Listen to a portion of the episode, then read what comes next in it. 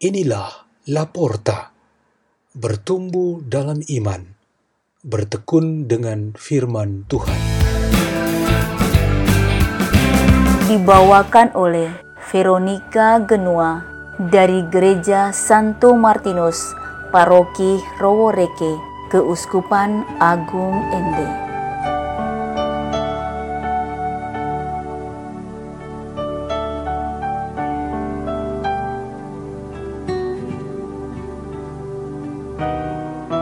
Bacaan dan Renungan Sabda Tuhan Hari Rabu, Pekan Pasca kedua, 14 April 2021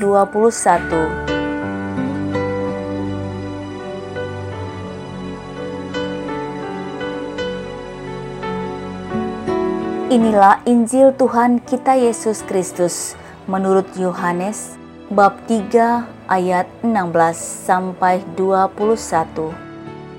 Dalam percakapannya dengan Nikodemus, Yesus berkata, "Begitu besar kasih Allah akan dunia ini, sehingga Ia telah mengaruniakan anaknya yang tunggal, supaya setiap orang yang percaya kepadanya tidak binasa, melainkan beroleh hidup yang kekal.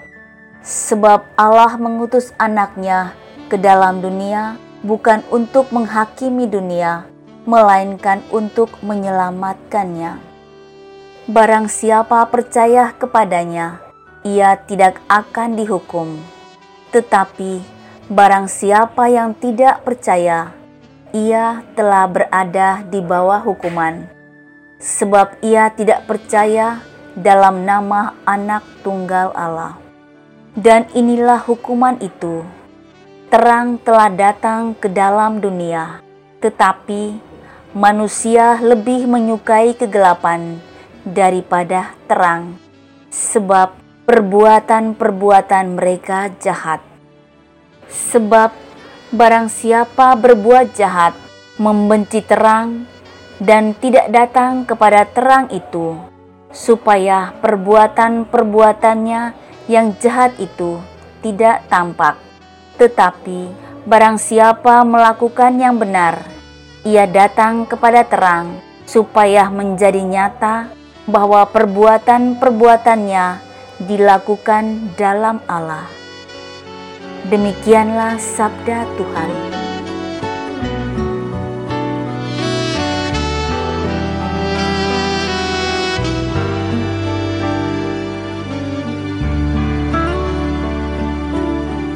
Tema renungan kita pada hari ini ialah gelap ke terang. Paskah merupakan pengalaman iman kita yang sangat nyata tentang menikmati terang dari Yesus Kristus. Kebangkitan yang menjadi tanda kuasa Allah yang maha besar itu menghilangkan kematian. Demikian juga tandanya berupa terang menghalau gelap, sehingga semangat utama Paskah bagi kita ialah terang itu. Paskah telah menetapkan suatu perubahan utama bagi kehidupan kita untuk selamanya, yaitu dari gelap ke terang. Meskipun kita belum menikmati hidup yang abadi, tetapi semangat Paskah yaitu peralihan dari gelap ke terang, sudah abadi untuk kita. Sebelum wafatnya, Yesus telah berterus terang tentang ketetapan final ini kepada Nikodemus.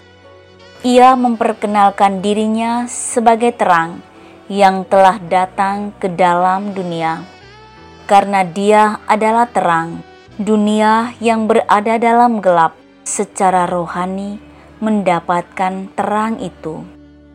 Ada sebagian orang mendapat terang itu, namun banyak yang lain tidak rela menerima dan mengakui terang itu.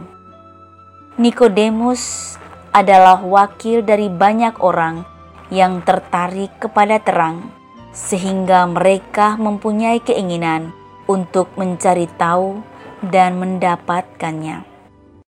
pengalaman iman banyak orang membuktikan bahwa mereka tidak cukup mencari tahu dan memiliki hasrat untuk memiliki terang itu. Keinginan dan kerinduan saja tidak cukup. Yang sangat diperlukan ialah terwujudnya keinginan itu, sehingga orang memilih dan meninggalkan gelap, kemudian menerima, mengakui, dan percaya kepada terang yang tidak lain adalah Yesus Kristus sendiri.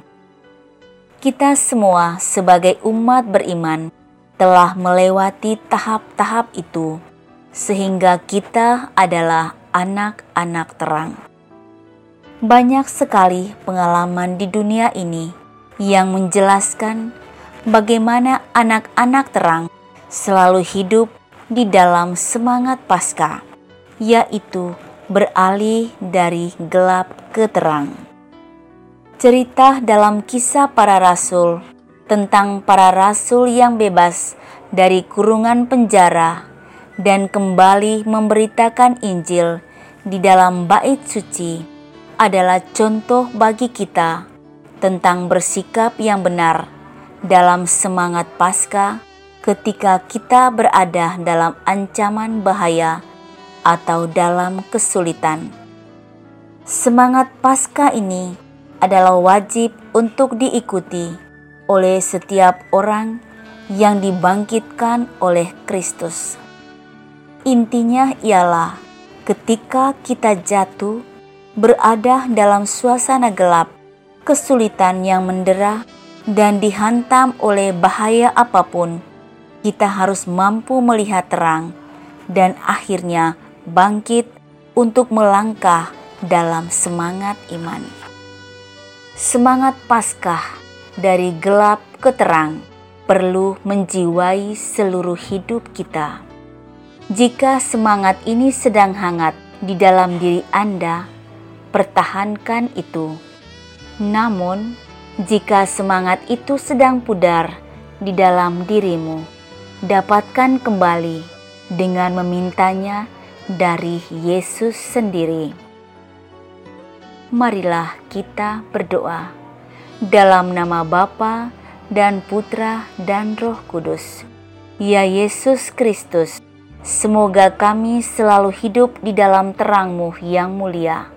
Bapa kami yang ada di surga, dimuliakanlah namamu, datanglah kerajaanmu, jadilah kehendakmu di atas bumi seperti di dalam surga. Berilah kami rejeki pada hari ini, dan ampunilah kesalahan kami, seperti kami pun mengampuni yang bersalah kepada kami. Dan janganlah masukkan kami ke dalam pencobaan, tetapi bebaskanlah kami dari yang jahat. Amin. Dalam nama Bapa dan Putra dan Roh Kudus. Amin. La porta, la porta, la porta.